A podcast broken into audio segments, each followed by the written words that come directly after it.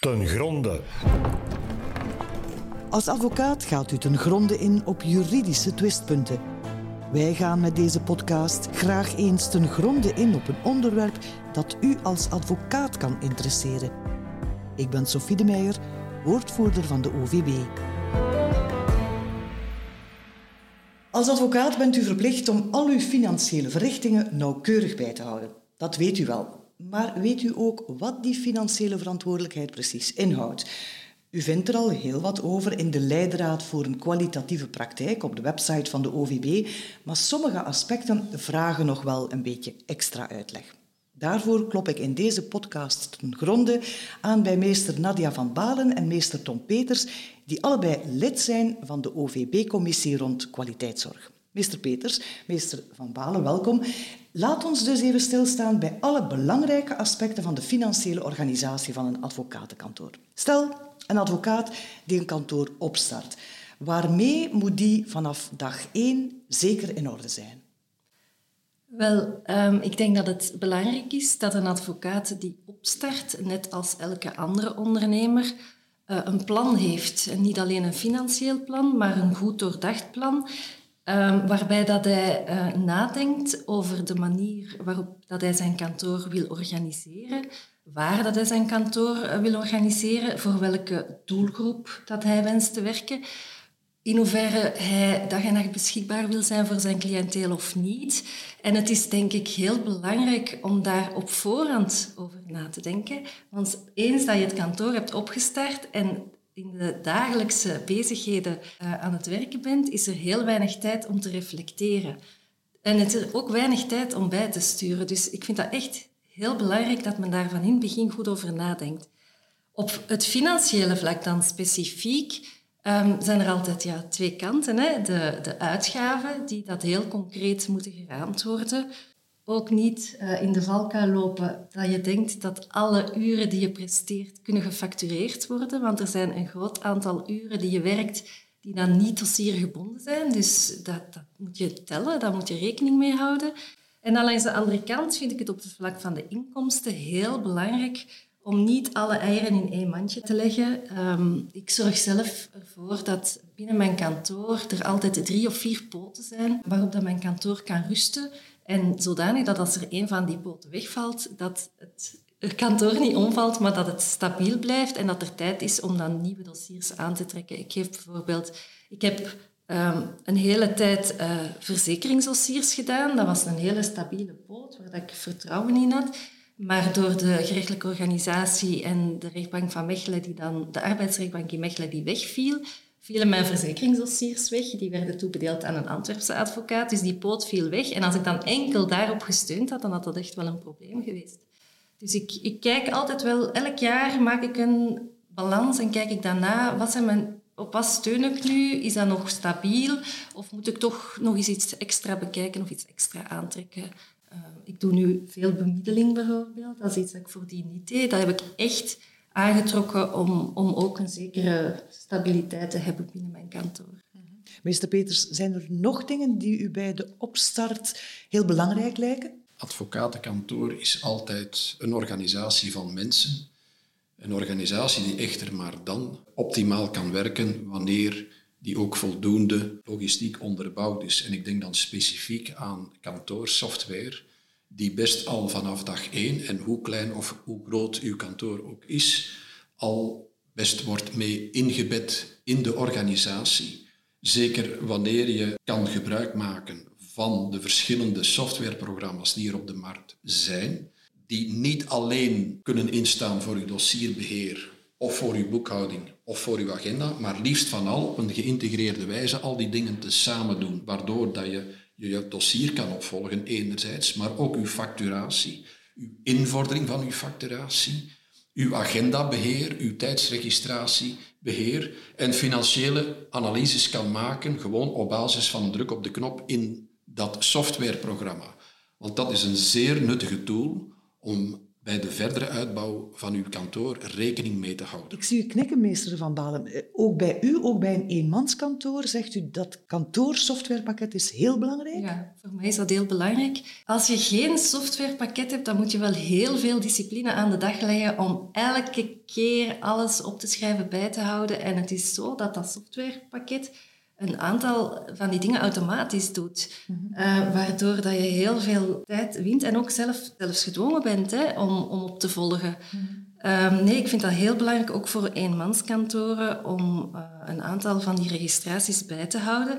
Want um, ik denk dat ook veel eenmanskantoren goed moeten beseffen en goed in doog moeten houden dat de soorten dossiers die ze doen allemaal rendabel blijven. Um, er zijn veel eenmanskantoren die bijvoorbeeld werken in de collectieve schuldenregeling. Dat is een vast bedrag dat men daarvoor krijgt als vergoeding. Ik zal altijd mijn registraties ook in dat soort dossiers inbrengen om te blijven controleren dat die dossiers rendabel zijn. Ja. En ik kijk ook, zoals ik daar juist zei, um, dat er verschillende poten zijn waarop mijn, mijn, mijn kantoor steunt. Ik zal ook altijd uit dat systeem trekken of dat de materie of de dossiers die bij één geheel horen, dat die rendabel blijven. Ja. Wij hebben in het najaar een YouTube live gedaan over digitalisering. En dat was ook met een advocaat die pas begonnen was, ook een kleiner kantoor dat er daarbij. En wij hoorden toch de opmerking dat het niet altijd even evident is om een geschikt kantoorsoftwarepakket te vinden, omdat er zoveel op de markt is. Had u daar problemen mee? Ik ben iemand die als, als ik voor iets kies, ben ik heel loyaal. Dus het mhm. softwarepakket waar ik mee werk, is hetgeen waar ik heel mijn carrière aan de balie mee ah, gewerkt heb. Voilà, dus. En u, meester Peters, was dat voor uw kantoor een moeilijke keuze om het juiste softwarepakket te vinden? Wel, het is zo dat een kantoor met de omvang van de onze ook iemand in dienst heeft die het volledige IT-gebeuren opvolgt. Ja. En de eerste is om ons bij te staan en te adviseren over de noden en behoeften en nut van de verschillende programma's. Daarnaast is het echter ook zo dat alle leveranciers er steeds, heb ik toch het gevoel, als de kippen bij zijn om zichzelf te kunnen voorstellen en het nut en onzin van hun programma's eh, te kunnen laten verifiëren door de betrokkenen zelf. Maar het is zoals bij het bouwen van een keuken bij je thuis. Je bent geen keukenspecialist, maar je moet je laten adviseren, mm desnoods door iemand onafhankelijk, om de beste keuze daarin te maken. Maar dat was precies wat die advocaten, de panelleden in die YouTube Live ook zeiden. Van, inderdaad, die leveranciers staan te springen om hun waren aan te prijzen. Je verliest daar soms veel tijd, soms ook alles veel geld aan. En dan nog kan je opgezadeld zitten met een pakket waar je weinig of niets mee bent. Of, of waar het pakket niet aan uw verwachtingen voldoet. Belangrijk is ook dat je zelf eerst bepaalt wat uw verwachtingen moeten zijn. Velen hebben niet door wat zo'n programma's allemaal kunnen en wat het nut daarvan is. Dus het gaat er niet om om na te kijken van koop ik iets uh, wat te veel kan. De invalshoek moet zijn, koop ik iets waarvan ik nog zelf van kan leren mhm. en waar dat mij van nut is. Dus uh, het gaat om de software die u gaat ondersteunen. U dient niet om de software te ondersteunen. En van daaruit dat je bij de aankoop moet vertrekken van de juiste invalshoek. Ja. Ik heb het al een beetje kunnen opmaken uit de antwoorden die u beiden tot nu toe gaf. Uh, u werkt alle twee in een totaal ander type kantoor. Hoe krijgt u de hele financiële werking georganiseerd? Als ik begin met een, een eenmanskantoor, uh, meester Van Balen, dan denk ik dat u alles zelf moet doen? Dat is inderdaad zo dat ik veel zelf doe. Uh, dat is ook wel omdat ik dat graag zelf onder controle houdt. En in een eenmanskantoor kan dat inderdaad. Maar ik moet wel zorgen, wat ik daar straks ook zei, dat ik de discipline neem om het altijd goed op te volgen en blijven op te volgen. Want dat is het gevaar van een eenmanskantoor, dat er soms weinig tijd is om de dossiers vast te nemen om te factureren, om uh, na te kijken of de erelonen betaald zijn of eventueel eh, actie te ondernemen. Dus dat is wel, als je dat alleen moet opvolgen, er is altijd wel iets dat dringender is. Of, dus dat is het gevaar van een eenmanskantoor. Mijn kantoor is wel zo georganiseerd, dus ik heb het al gezegd daar straks, ik hou van flexibiliteit en ik hou van mijn vrijheid. Dus er zijn periodes dat ik hard werk en er zijn periodes dat ik veel minder hard werk. Ik heb enkele... Uh, zelfstandige medewerkers in dienst, dus confraters die daar voor, voor mij op zelfstandige basis werken. En daarnaast zelfs mijn administratieve bedienden, die, die, die trek ik aan op zelfstandige basis. Dus in periodes dat er heel veel werk is of bepaalde zaken die moeten in orde gebracht worden, uh, doe ik dat met administratieve ah, krachten op zelfstandige basis. Ik denk dat er weinig kantoren zijn die dat doen, maar voor mij is dat echt uh, een godsgeschenk soms. Ja. U werkt in een totaal ander type kantoor. Hoe gaat het er bij u aan toe? Wij hebben uiteraard ook administratieve ondersteuning nodig. Daarbij moet je een onderscheid maken tussen de klassieke secretariaatsfuncties die de advocaten bijstaan in een klassieke opvolging van een dossiers. Maar los daarvan, en dat zijn dus andere mensen, maken deel uit van de kantoororganisatie en dan in het bijzonder de financiële dienst. Die werken met een ERP-programma, dus afkorting van Enterprise Resource and Planning Programma, waaruit je alles kan distilleren.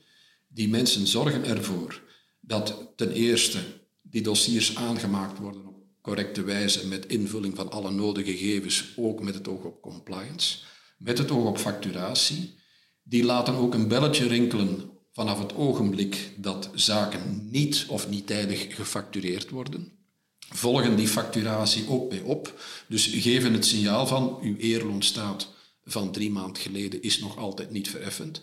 En zetten ook de eerste stappen bij de eventuele procedure tot invordering van een openstaande eerloon, zodanig dat die opvolging correct gebeurt en de advocaat zich daar geen zorgen, moet, geen over, maken. over moet maken en ontzorgd kan worden. Ja. Want voor alle duidelijkheid, met hoeveel advocaten werkt uw kantoor? Wij zijn met ongeveer 60 advocaten. Oh, ja.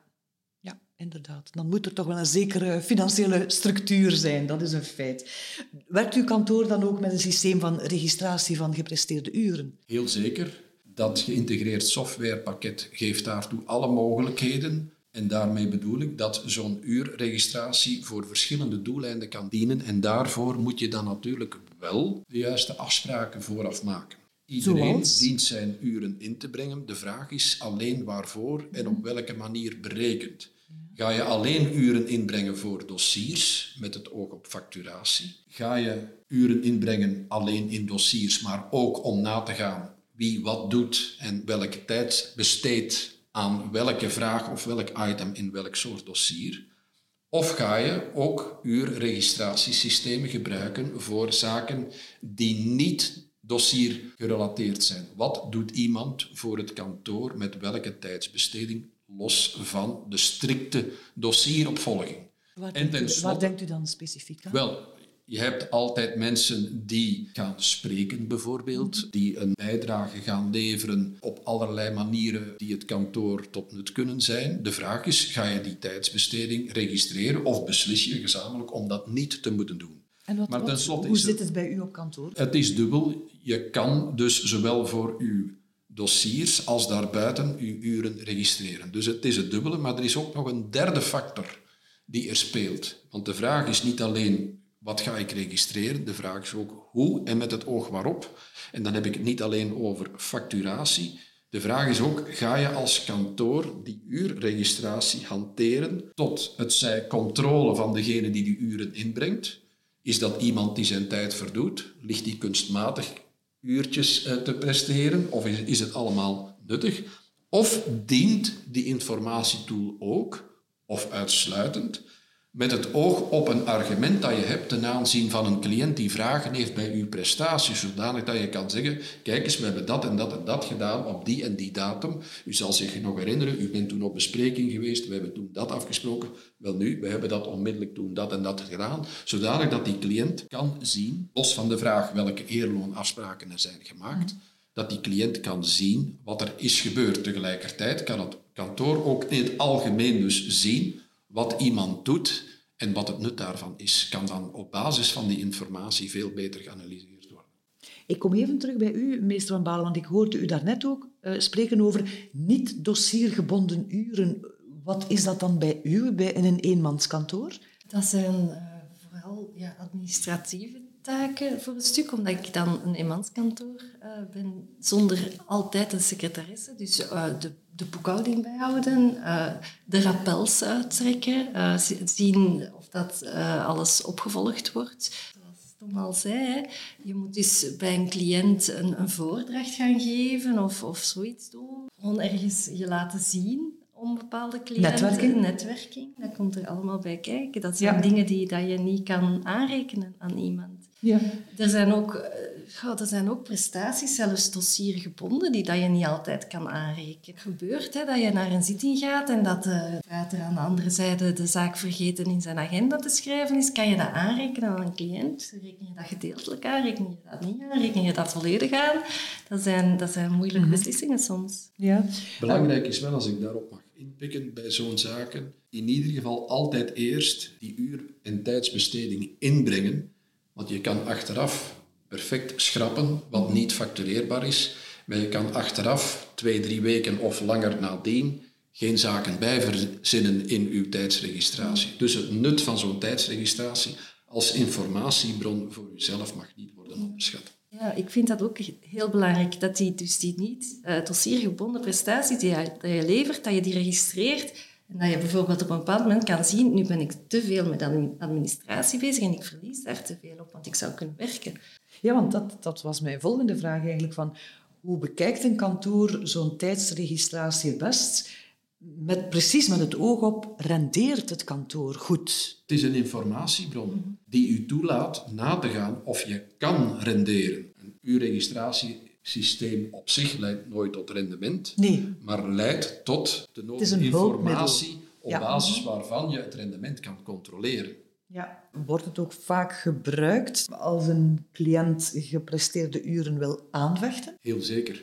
Maar natuurlijk is het maar één element tussen alle anderen. Het gaat er ook om om naast juiste afspraken met de cliënt ook op tijd en stond te factureren, liefst op het ogenblik dat ook bij de cliënt de evolutie of de recente evolutie van een dossier bij hemzelf ook nog in het geheugen zit.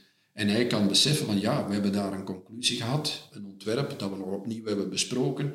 Ik heb suggesties gedaan, die zijn verwerkt, zijn nog eens terug besproken. Op dat ogenblik kan een cliënt veel beter bij zichzelf inschatten dat er inderdaad ook tijd besteed is aan de voorbereiding van die conclusie, veel beter dan dat het pas later gebeurt. Dus een uurregistratiesysteem is daar een nuttige tool in, maar mag u nooit ontslaan van de verplichting om ook op tijd en stond te handelen. Ja, als een kantoor liever niet werkt met een systeem van uurregistratie, wat zijn dan nog andere mogelijke manieren van werken?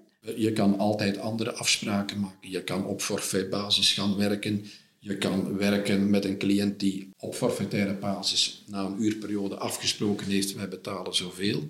Dat ontslaat echter, of dat doet echter geen afbreuk aan het nut van zo'n uurregistratiesysteem, al was het maar om het voor jezelf te kunnen evalueren nadien. En ook, als wanneer een cliënt vragen stelt, dat ook die cliënt daaruit informatie mag krijgen zodanig dat beide partijen er nut bij kunnen hebben en beide partijen nog altijd ervan overtuigd zijn dat de afspraken de juiste zijn dan wel, of dat die dienen bijgestuurd te worden. Want geen enkel systeem van de registratie kan je opdringen, is altijd iets wat de cliënt ook mee moet aanvaarden Mhm. en uh, iets dat de cliënt ook zelf van nut moet kunnen zijn. Ja. Er zijn ook cliënten die geen genoegen nemen met de enkele mededeling dat er wordt geregistreerd, dat, dat er wordt getarifeerd met een uurtarief. Er zijn cliënten waar dat je de eerste gesprek mee hebt en je zegt ik werk aan dat tarief per uur, maar die vragen dan automatisch ja, ja, dat, dat is wel allemaal goed en ik, ik wil, dat is oké dat je dat zo zegt, maar wat gaat mij dat kosten in het geheel? Dat willen ze altijd weten.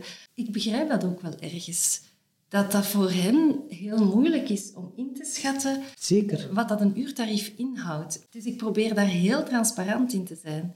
En ik probeer ook wel een raming te maken van hoeveel uren dat het dan Gemiddeld, zullen zijn of ja. gemiddeld kunnen zijn. Met dan altijd erbij te zeggen van, maar ik kan het niet 100% nauwkeurig Nee, zeggen. maar op basis van Maar- eerdere tijdsregistratie weet, Weet u door de jaren heen voor zo'n dossier heb ik gemiddeld ongeveer zoveel Ja. uren nodig, zodat u de cliënt toch wel een, een- iets van een richtlijn een kunt richtlijn. meegeven. En dan, zoals dat Tom zei, eh, als je dan op tijd afrekent telkens, dan zien ze ook de evolutie. Mhm. Dus dat is heel belangrijk. De vraag is inderdaad, hoe ga je met zo'n terechte vragen om? Het is niet gemakkelijk om vooraf in te schatten welke tijdsbesteding je aan een dossier nodig hebt.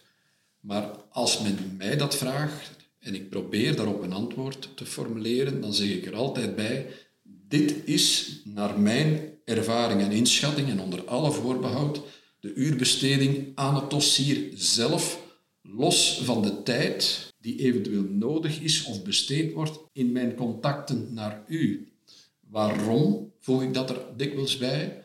Omdat heel veel cliënten uiteindelijk toch proberen ergens naar een forfait te gaan en dan denken dat ze binnen dat forfait u drie dagen, drie keer per dag een e-mail mogen sturen en ook evenveel keren een antwoord van u verwachten. Alsof dat je in een chatsessie met hen zou zitten, wat natuurlijk nooit het geval is. Dus ik zeg er altijd bij dat die schatting van tijd nooit inhoudt dat ik ook een schatting inmaak van de tijdsbesteding met de cliënt zelf. Ik geef dat ook aan met het eerste gesprek, dat bijvoorbeeld telefoons bij mezelf, dat dat geregistreerd wordt en dat dat daarin gerekend wordt. En als cliënten mij opbellen en een gans levensverhaal beginnen te vertellen, dan, zeg ik ook, dan onderbreek ik en dan zeg ik ook altijd, let op, we hebben afspraken gemaakt aan dat duurtarief, u bent me nu aan het opbellen. Ja, ik probeer daar echt een nadruk op Dat telefoongesprek, als het lang duurt, wordt ook voilà, meegerekend. dat, dat, dat, dat dat geld kost. Want veel cliënten zijn zich daar ook niet van bewust. Die denken dan, ah ja, een uurtarief. En dan denken ze dat als we aan de conclusie schrijven zijn, of als we op de rechtbank zijn, dat dan Dat dat de enige momenten zijn zijn. dat uw uren lopen. Ja, en die, die, er zijn mensen die dat echt niet, niet begrijpen. Dat als ze ons zes mails sturen en we moeten die elke keer in het dossier trekken en beantwoorden, dat dat allemaal geld Ja, kost. ja, ja. Dit is een belangrijk aspectje in uw eerste contact met uw cliënt. Want die denkt inderdaad dat in het begin van een dossier, wanneer nog moet bepaald worden wat de aanpak gaat zijn, gaan we onderhandelingen, gaan we dagvaarden en wat gaan we dan vorderen en hoe, dat zij denken dat zij nog in een soort fase zitten die ze vergelijken met het vragen van een offerte bij een badkamerinstallateur, die dat meestal gratis doet, maar die heeft dat ingecalculeerd in zijn prijzen. Bij ons is het bijstaan en het maken van keuzes met betrekking tot de strategie en inhoud van een dossier een belangrijk deel, zo niet vaak het allerbelangrijkste deel in een dossier. En eens die keuzes gemaakt, zal het wel lopen. Maar ook die prestaties die zeer belangrijk zijn, zijn prestaties die heel veel tijdsgebruik met zich mee kunnen brengen. En als je dat gratis gaat doen, dan kan uw kantoor niet renderend zijn. We hebben het al een paar keer gehad over betalen, maar laat ons nu een keer kijken naar het betaalverkeer in een kantoor. Sinds 1 juli 2022 moeten advocaten hun cliënten mogelijk maken om elektronisch te betalen. Maar voor alle duidelijkheid, cash betalen kan ook nog altijd. Hè? Het kan, eh, maar in ons kantoor is uitdrukkelijk de keuze gemaakt om geen cashbetalingen meer te aanvaarden, tenzij in uiterste nood dat een cliënt alleen maar cash zou hebben, maar in principe wordt uitsluitend en alleen met overschrijvingen en digitale betalingen gewerkt, al was het maar om de controle op het geheel overzichtelijk En bij mij is dat ook zo. Ik neem ook in principe geen cashbetalingen aan. Maar wettelijk moeten we het nog aanvaarden. Hè? Als een cliënt alleen met cash wil of kan betalen. Dat doen wij alleen als het niet anders kan. En inderdaad, met respect voor die regelen, want bedragen van, van, van 3000, ik moet er niet aan denken. Het is een, hoe moet je daarmee omgaan? Nee, nee, nee, natuurlijk. Er staat ook wel een limiet op, op de bedragen die in cash kan aanvaarden, uiteraard. Een andere vraag, hoe gaat een advocaat correct te werk bij de betaling van griffierechten die verbonden zijn aan een procedure? Wel, in oorsprong had je, of wij zijn allemaal opgegroeid met griffiebonds. Dat is een systeem waarvan ik het nut op zich niet in twijfel trek, maar wat nu stilaan toch wel achterhaald is, omdat het een moeilijk systeem is. Strikt genomen geef je een blanco cheque aan de Griffie. Niet dat zij daar misbruik van maken, in tegendeel. Maar het is wel zo dat je dat moet afwachten wanneer dat die betaling geboekt wordt. En dat je dan pas weken later de debitering op je rekening ziet. Dan moet je je goed georganiseerd hebben om te weten over welke Griffiebon het ging. Voor welk dossier en waarvoor. Eh, om die reden zijn wij eigenlijk verheugd met de evolutie die ook meer en meer bij de Griffie bezig is. Je doet beroep op een bepaalde dienst. Zij laten u weten wat daarvan het benodigde bedrag is. Dat kan betaald worden op welke rekening, met welke referentie. En daar gaan we dan onmiddellijk op in. En dat is veel, veel, veel duidelijker en eh, behoeft veel minder administratie en veel minder zorg achteraf. Bij mij is dat ook zo. Ik heb ook geen Griffibonds niet meer. En ik vraag me af of dat de jonge generatie advocaten, of dat het daar nog wel aan aangeboden wordt zelfs. Hoe kan een advocaat nagaan, dat zal dan eerder een vraag zijn voor u, meester Peters, of iedereen van het kantoor op een correcte manier omspringt met de derde gelden en de derde rekeningen? Wel, uh, wat dat betreft is het van belang dat iedereen zich houdt aan de regels die opgelegd zijn door de OVB en onze deontologie. Dat doe je best door een concrete politiek van opvolging. Waardoor die financiële dienst, waarover we daar straks spraken, die uh, de facturatie mee opvolgt, wel, die volgt evengoed die derde rekening mee op. Die laat weten wanneer een bedrag op die derde rekening is toegekomen aan de betrokken advocaat. Die laat ook weten wanneer het langer dan een paar dagen duurt vooraleer dat bedrag wordt doorgestort. En de advocaat die dan nog meent dat niet moet doorgestort worden, moet dat kunnen verantwoorden, waarna die dienst ook gaat melden van ja, maar als dat zo is, dan moet er eventueel een aparte rubriekrekening worden geopend. Met andere woorden, eigenlijk wordt dat volledig in handen gegeven van de financiële dienst, omdat de problemen die daar ontstaan, meeste voorkomen uit vergetelheid en nalatigheid. Maar die problemen zijn wel groot. Vandaar dat die dienst evengoed belast is met de opvolging van die derde rekening, zodanig dat dat allemaal correct gebeurt. Mhm. Een advocaat kan eens werken in een associatie waarin kosten en inkomsten gedeeld worden. Hoe vertaalt zich dat dan in, in de rest van het financieel beheer? Door zo'n financiële dienst die dat allemaal mee opvolgt, die nakijkt of de wettelijke verplichtingen nageleefd zijn, maar ook mee ondersteunt om de organisatie en controle van het werk van het kantoor mee te doen. Want er komt een ontzaglijke bron van informatie uit voort die toelaat om de juiste beslissingen te nemen met het oog op de verdere organisatie van het kantoor met betrekking tot de vraag waar verder moet uitgebouwd worden of waar eventueel gesnoeid moet worden. Dus die financiële dienst die kost geld, maar de input die zo'n dienst oplevert kan niet worden onderschat. Ik heb alle vragen gesteld die ik wou stellen. Zijn er nog aspecten die u aan heel deze uitleg nog wil toevoegen? Ik ben begonnen met te zeggen dat het kantoor een mensenorganisatie is. En dat problemen, als ze zich stellen, gemakkelijker kunnen opgelost worden wanneer je daarover de nodige informatie verkrijgt via IT-ondersteuning. Maar de moeilijkste problemen zelf worden nog altijd door de mensen zelf opgelost. Heel vaak wordt een openstaande factuur wel betaald, niet na vier rappels, maar door een telefoontje waarbij is gevraagd wordt bij de cliënt, is er een probleem? Kunnen wij u daarbij helpen? Of is er een reden waarom u niet betaalt? Want zo'n telefoontjes hebben qua invorderingseffect vaak een veel nuttiger gevolg dan al die schriftelijke rappels. Dus het blijft uiteindelijk altijd mensenwerk. Daar kan ik mij helemaal bij aansluiten. En misschien toch ook nog een tip. We hebben een, bij de orde proberen we dus uh, als facturen, als er betwistingen zijn over facturen, om dat minnelijk op te lossen. En we zien dus wel dat er heel veel rechtszoekenden die problemen hebben met een factuur, de orde aanschrijven en dan uh, vragen om dat uh, op die kamer te brengen waar dat er wordt gekeken of dat een minnelijke oplossing mogelijk is. Maar we zien dat eigenlijk heel weinig vanuit de kant van de advocaten. Terwijl dat, dat voor advocaten ook een mogelijkheid is. Als ze zo denken, er is wel een probleem, maar die cliënt ja, die, die, die komt niet meer tot bij mij of ik kan hem niet meer bereiken. Het kan opgeroepen worden op de voorloonkamer en dan is er iemand die probeert te bemiddelen en in heel veel gevallen halen we daar een resultaat uit. Zegt de advocaat-bemiddelaar. Die zegt de advocaat-bemiddelaar, ja, dat klopt. Bedankt voor deze heldere uiteenzetting, meester Van Balen, meester Peters. Bijkomende uitleg over de financiële organisatie van het kantoor vindt u als advocaat natuurlijk ook in de leidraad voor een kwalitatieve praktijk op onze website.